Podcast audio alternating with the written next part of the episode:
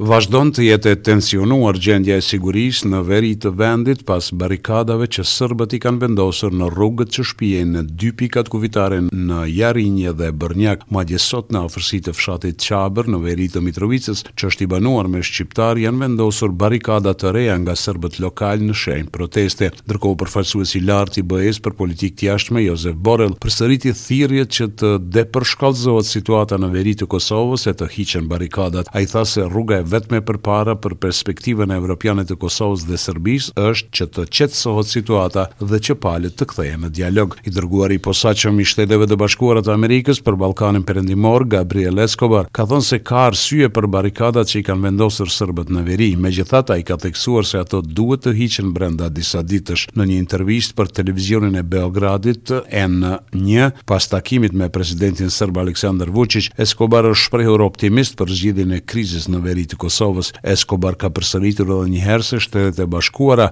refuzojnë kategorikisht kthimin e ushtrisë serbe në veri të Kosovës. Në anën tjetër, ushtria serbe edhe zyrtarisht i ka kërkuar KFOR-it kthimin e trupave serbe në Republikën e Kosovës. Sot përfaqësuesit e ushtrisë serbe janë parë në pikën kufitare në Merdare duke i dorëzuar kërkesën zyrtare pjesëtarëve të KFOR-it. Qeveria e Serbisë ka vendosur mbrëmë që edhe zyrtarisht t'i kërkojë KFOR-it kthimin e trupave sërbe në Kosovë, këtë e ka konfirmuar vetë presidenti serb Aleksandar Vuçiq. Në anën tjetër, në fjalimin vjetor në Kuvendin e Kosovës, presidentja Vjosa Osmani tha se viti dy mijë e njëzet e dy ishte vit sfidues dhe i rrethanave të jashtëzakonshme. Duke folur për veriun, ajo tha se bandat kriminale atje të financuara nga shteti sërb do të përballen me drejtësinë. Osmani theksoi se pretendimi i presidentit të Serbisë për vendosjen e ushtrisë sërbe në Kosovë ka marrë fund në vitin një mijë e nëntëqind e nëntëdhjetë e nëntë. Ne jemi në shtëpinë tonë, në vatrat tona shekullore dhe çdo ditë kontribuojmë për fqinjësi të mirë. Sërbia duhet ta kuptojë qartë e përfundimisht se Kosova është shtet dhe i tillë do të mbetet përgjithmonë, se pavarësia e Kosovës është e pakthyeshme dhe se procesi i dialogut duhet të përqendrohet në njohjen e ndërsjellë, Kryeministri Albin Kurti ia ka dorëzuar zyrtarisht Presidencës çeke të Këshillit të Bashkimit Evropian aplikacionin e Kosovës për anëtarësim në BE.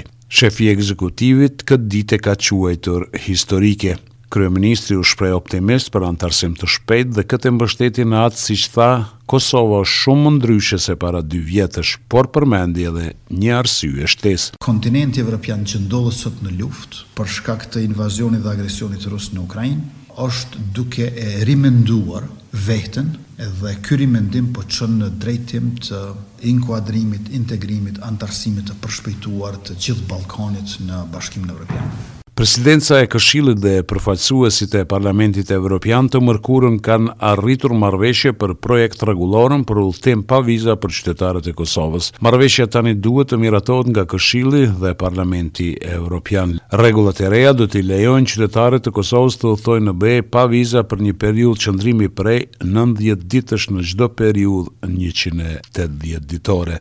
Data e fillimit do të jetë jo më vonë se një janar dy mijë e njëzet e katër. Gjykata Speciale në Hagë e dënoi sot me njëzet e gjashtë vjet burgim ish-pjesëtarin e Ushtrisë Çlirimtare të Kosovës, Salih Mustafa, nën pretendimet se ka kryer krime lufte. Në njoftimin e Gjykatës Speciale thuhet se trupi gjykues e shpalli Mustafën fajtor për krimet e luftës, të ndalimit arbitrar, torturës dhe vrasjes së paligjshme. Për Radion SBS, Mendu Hysa në Prishtinë.